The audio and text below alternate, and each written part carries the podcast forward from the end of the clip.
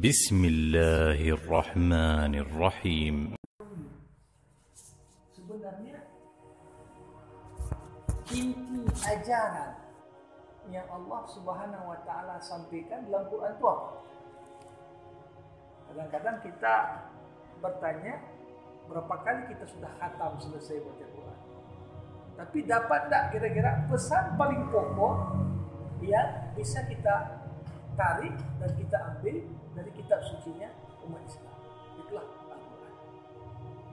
Karena begini, terkadang di saat seorang mengkaji satu ayat terlalu terperinci dan mendalam, justru itu bisa membuat dia mengabaikan nilai-nilai pokok, nilai-nilai prinsip.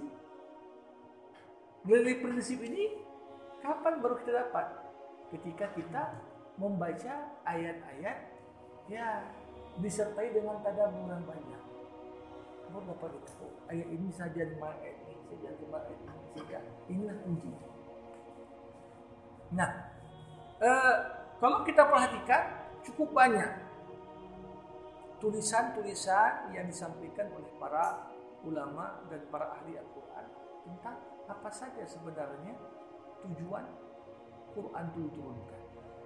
Apa isi pesan yang perlu kita bumikan kalau meminjam slogannya Ondos, ya, membunyikan Al-Quran, melangitkan manusia. Nah, apa sebenarnya yang perlu kita bunyikan itu? Pesan dari Quran. Nah, di sini ajaran terpenting yang ada dalam Al-Quran justru itu berkaitan erat dengan masalah bagaimana manusia betul-betul mentauhidkan Tuhan. Jadi sebenarnya mengesahkan Tuhan itu itu adalah bagian dari bagaimana Tuhan menciptakan kita. Makanya kalau kita perhatikan di semua peninggalan-peninggalan sejarah tentang bangsa-bangsa terdahulu ini bukan sebuah kebetulan ketika Allah Subhanahu wa taala menjadikan sisa-sisa peninggalan peradaban lama itu yang tersisa yang ada kaitannya dengan agama. Kita pergi ke Mesir, tengok piramida. Kok nggak tersisa istana Fir'aun? Kok yang tersisanya itu? Apa itu piramid? Piramid masuk ke situ kuburan. Dianggap juga itu tempat ibadah. Uh, ketika disebutkan dalam Quran, Fir'aun berkata kepada Haman, Wahai Haman, bangunkan untukku tangga yang tinggi agar aku bisa melihat mana Tuhan yang Musa. Makanya bentuknya kerucut yang di atas. Itu tangga. Menurut Fir'aun dia bisa ngintip Tuhan yang Musa. Kita lihat di peradaban mana pun. Bahkan di Indonesia yang warisan Hindu-Buddha.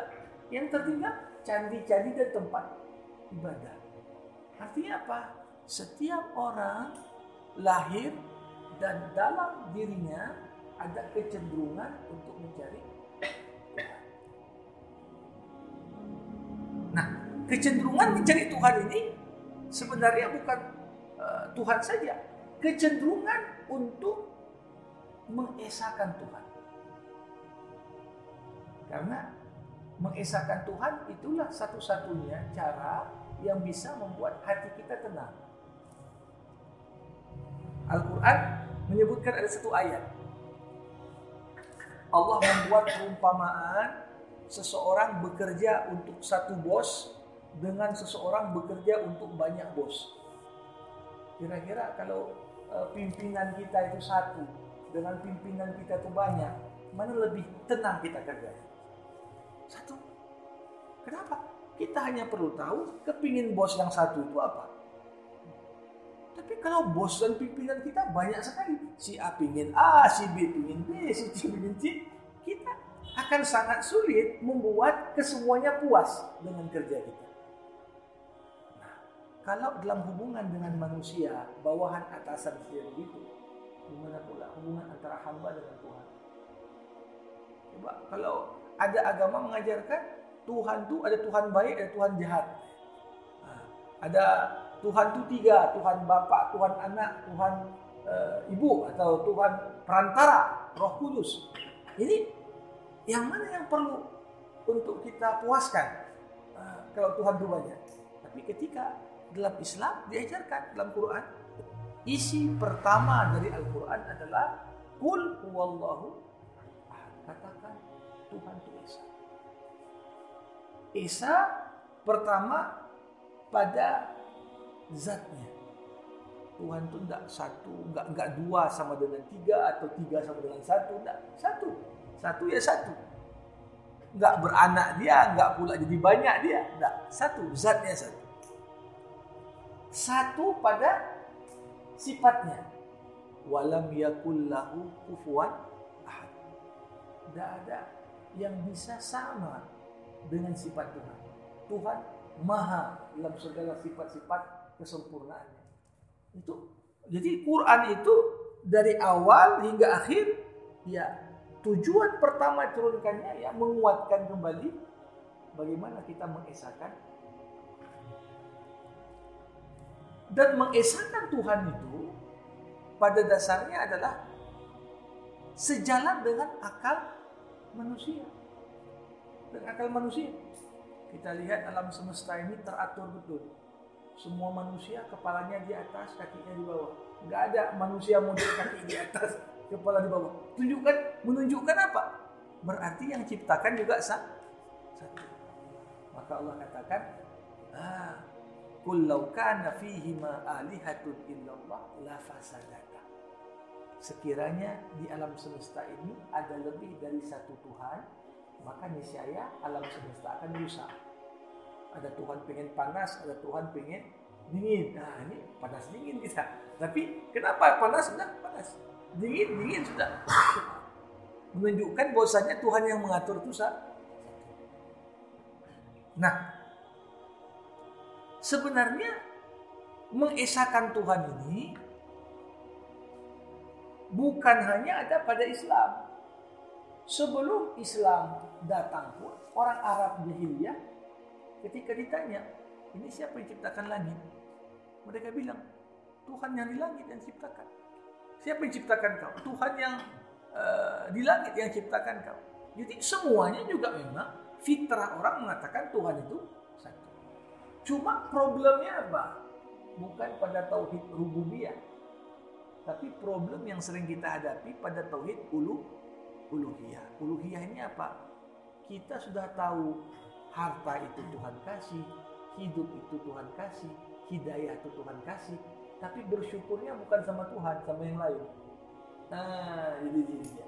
Nah, jadi kalau kembali kepada konteks budiman tadi, jadi Islam mengajarkan yang pertama apa? Bertauhid rububiyah.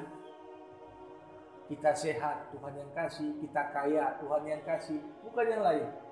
Nah, Tuhan yang kayakan kita, Tuhan yang sehatkan kita, Tuhan yang berikan kita keluarga, Tuhan yang berikan kita kebahagiaan, Tuhan yang berikan kita segala apa yang kita butuhkan Tuhan yang kasih. Maka kalau seorang itu yakin Tuhan yang menentukan segalanya, Allah Subhanahu wa taala menentukan, ya kita nggak perlu takut eh, kepada manusia, pimpinan takut kita atau kepada kita pakai kita yakin Tuhan yang menentukan, bukan yang lain.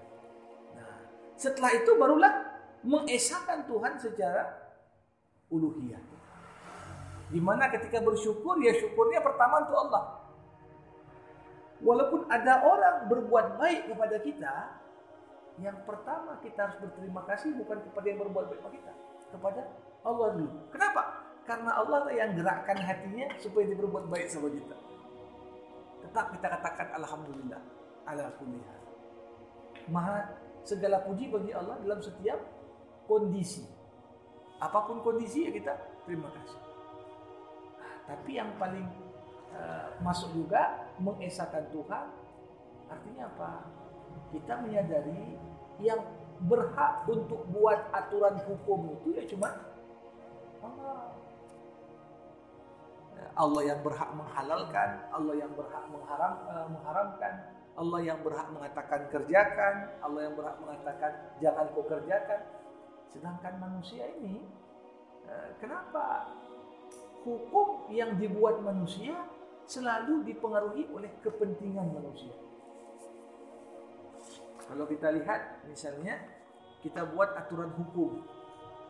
Selalu aturan hukum menguntungkan yang buat peraturan. Kenapa? Orang saya yang buat, ya begitu. Uh, tetapi ketika yang buat aturan itu adalah Allah dan Allah nggak ada kepentingannya, maka itulah sebaik-baiknya aturan. Ya, ketika Allah suruh sholat, apakah Allah perlu sholat kita? Enggak. Kita enggak sholat pun Allah enggak bangkrut. Uh, tapi justru Allah suruh kita sholat karena Allah tahu pada sholat itu ada ketenangan pada kita. Pada sholat itu yang membuat kau bisa bahagia. Pada sholat itu yang membuatmu tercegah dari perbuatan yang buruk. Berarti kita mengerjakan, oh iya ya. Ketika kita sholat, motivasi kita, ya Allah, kaulah sebaik-baiknya yang membuat perintah dan larangan, kita pun sudah bertauhid. Sudah bertauhid. Puasa kita, tak makan, tak minum, lapar kita tahan dari terbit fajar, subuh, mulai sampai ya azan maghrib. Nah, ini untuk apa? Ketika kita tahu Tuhan tidak mungkin menyuruh sesuatu yang buruk untuk kita. Nah, pasti ada kebaikan.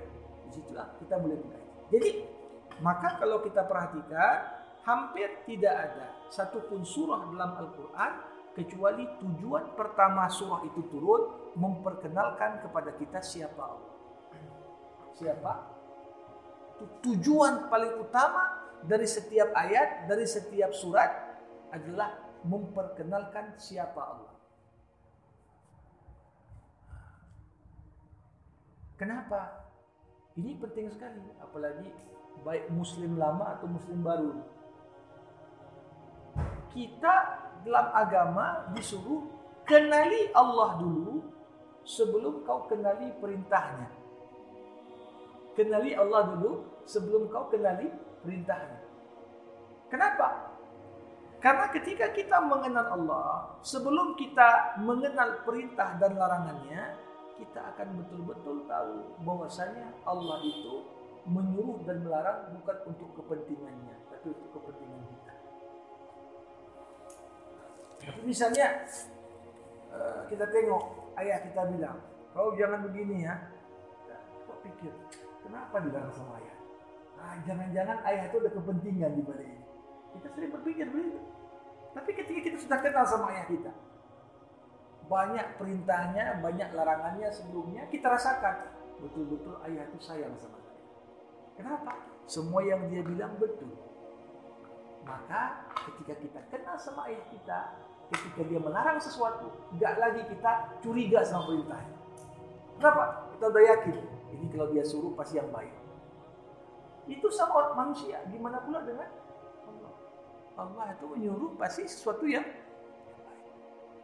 Jadi di sinilah letak uh, kendala manusia sekarang. Sekarang ini kita banyak lebih kenal dengan makhluk daripada dengan Khalik. Ada orang meneliti tentang nyamuk. Nyamuk sampai tahu dia berapa jantung nyamuk, mata nyamuk berapa, Kenal betul. Lalat di putinya, di bedahnya kata, tahu dia gimana sistem pernapasan kata. Kenal dia.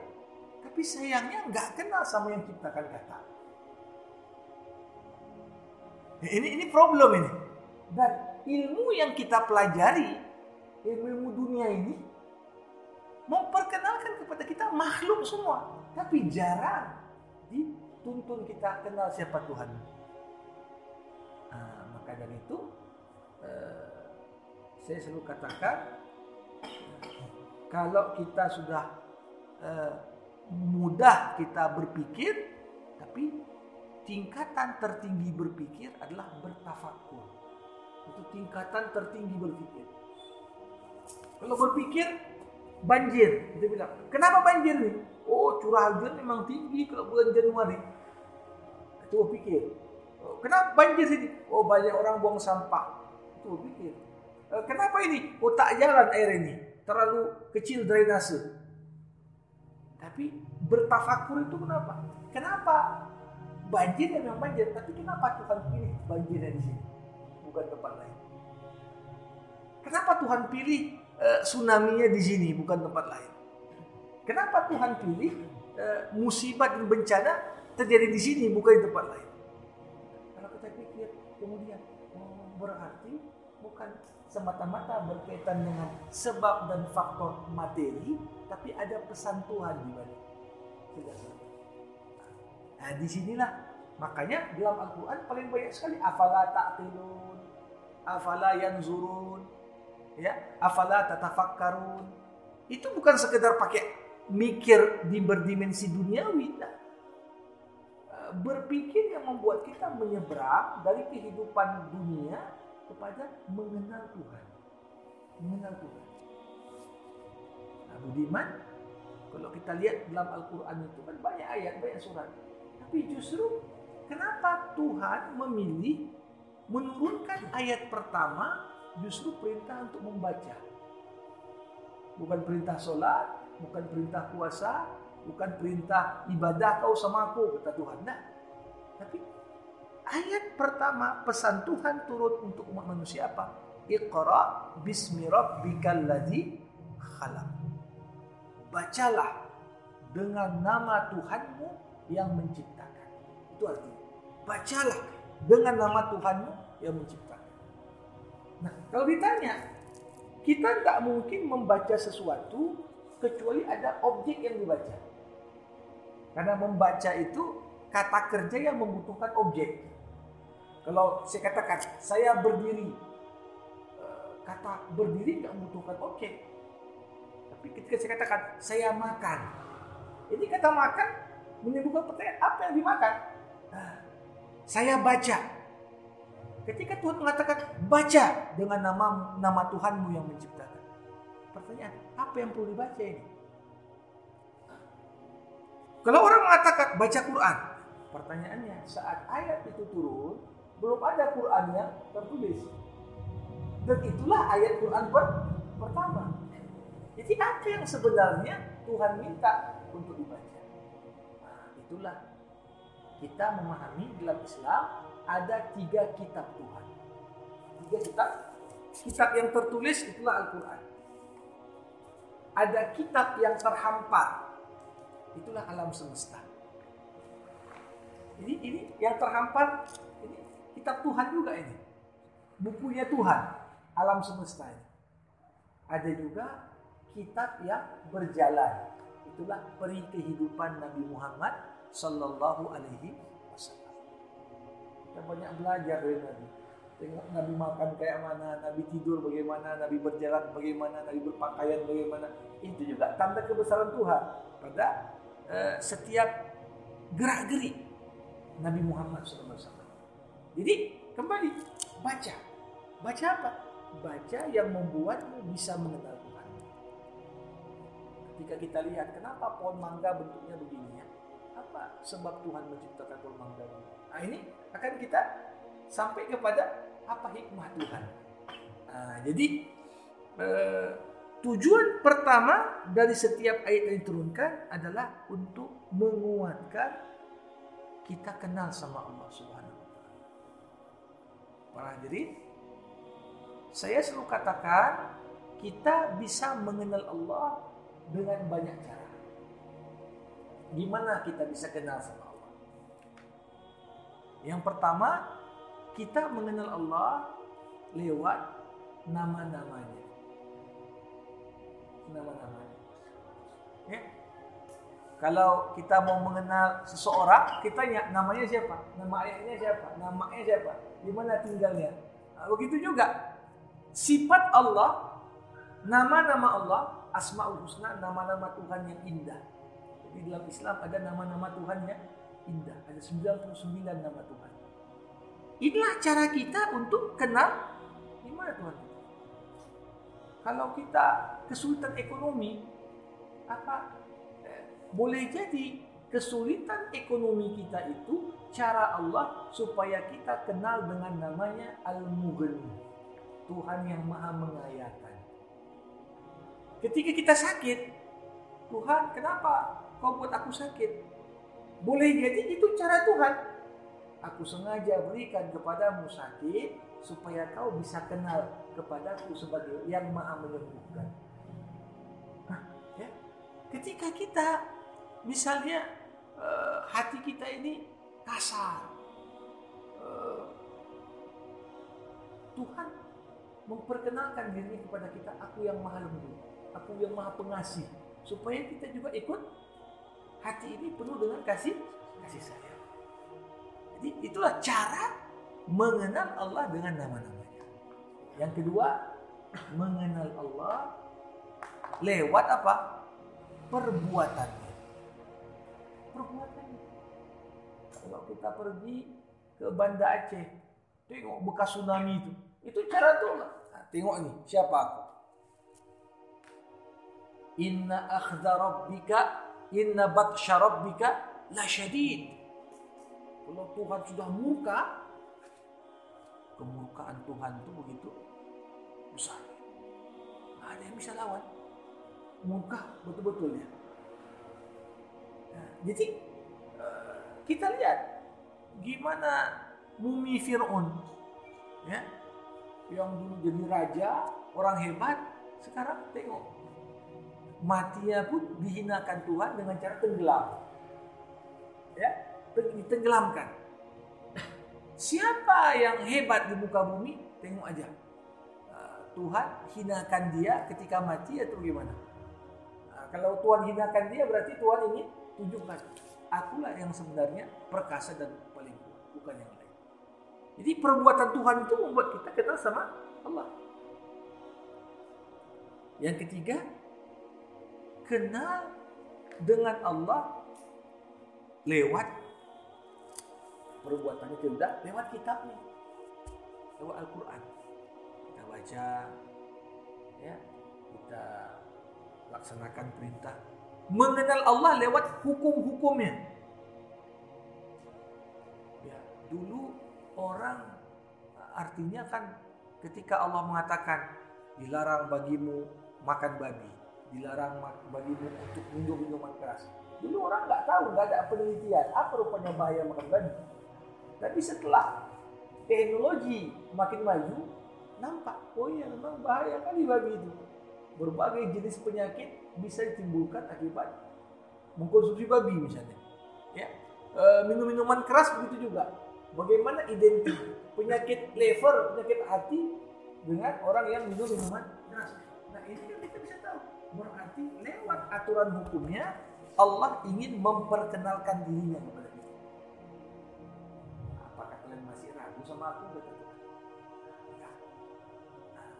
Jadi eh, caranya makanya nanti kalau kita mau baca Quran, mau baca Quran, nanti pertama-tama Budiman ya belajar dulu teman-teman, yang minimal untuk menguatkan keimanan kalau ada Quran terjemahan ya. Tiap ayat yang dibaca cara kita yang paling pertama supaya bacaan itu berpengaruh. Dari tiap ayat yang saya baca kira-kira Tuhan ingin memperkenalkan dirinya kepada kita gimana? Itu aja kuncinya. Alhamdulillahi Rabbil Alamin. Kira-kira Allah ingin memperkenalkan dirinya sama kita apa Oh, aku maha penyayang, maha pengasih, aku Tuhan pemilik alam semesta, kan begitu. Nah, tiap ayat kalau kita fokus, pertama ayat yang kau baca, kira-kira uh, Tuhan ingin memperkenalkan dirinya kepadamu bagaimana? Itu aja kita pegang, ah, bacaan Quran kita sudah akan ada nuansa berbeda. Nggak sekedar khatam gitu. Tiap baca ayat dapat hal baru. Kenapa? Inilah tujuan pertama Quran itu. Aku ingin perkenalkan diriku pada wahai hamba. Jangan berharap yang lain-lain. Kalau kau tak kenal aku gimana? Uh, kau mengerjakan yang lain. Nah, yang kedua, para hadirin, termasuk di antara tujuan akhir Al-Quran adalah untuk menyempurnakan akhlak manusia. Jadi yang pertama tadi berkaitan dengan Tuhan, yang kedua berkaitan dengan kita. Nah ini juga akan sedikit panjang kita akan beberkan. Tapi di sisa waktu yang ada hari ini saya ingin singgung beberapa poin saja. Eh, kalau kita tanya sama manusia, gimana Anda mengklasifikasikan manusia? Oh, kalau pembagian manusia menurut manusia banyak. Ada berdasarkan umurnya, jenis kelaminnya, agamanya, usianya, kan banyak. Nah, banyak kali. Tapi kalau kita tanya Tuhan, bagaimana kau bagikan? Simpel aja Tuhan membagi. Tuhan membagi semua manusia itu rata. Mukmin, kafir. Apakah kau beriman? Apakah kau ingkar? Itu aja. Tapi yang ingkar ini ada yang gentleman. Berani terang-terangan dia. Itulah kafir. Ada yang nggak berani terang-terangan. Itulah munaf munafik. Tapi pada dasarnya ya sama-sama orang yang ingkar kepada. Nah, di saat kita memilih untuk menjadi hamba Allah yang beriman, apa keistimewaan pertama? Kebahagiaan yang luar biasa sebagai orang yang beriman, kita dipanggil Allah. Dipanggil Allah. Berapa banyak panggilan Allah kepada hamba yang beriman? Lebih dari 90 ayat lebih. Ya ayyuhalladzina amanu. Wahai hambaku yang beriman, sini. Yang biasa manggil itu tandanya apa? Dia dekat sama kita. kita. Kalau kita nggak dekat sama dia, mungkin dipanggil kita. Dan yang paling menarik, tidak ada satupun ayat Al-Quran, Ya ayyuhalladzina kafaru. Wahai hambaku yang kafir, dan dipanggil Tuhan.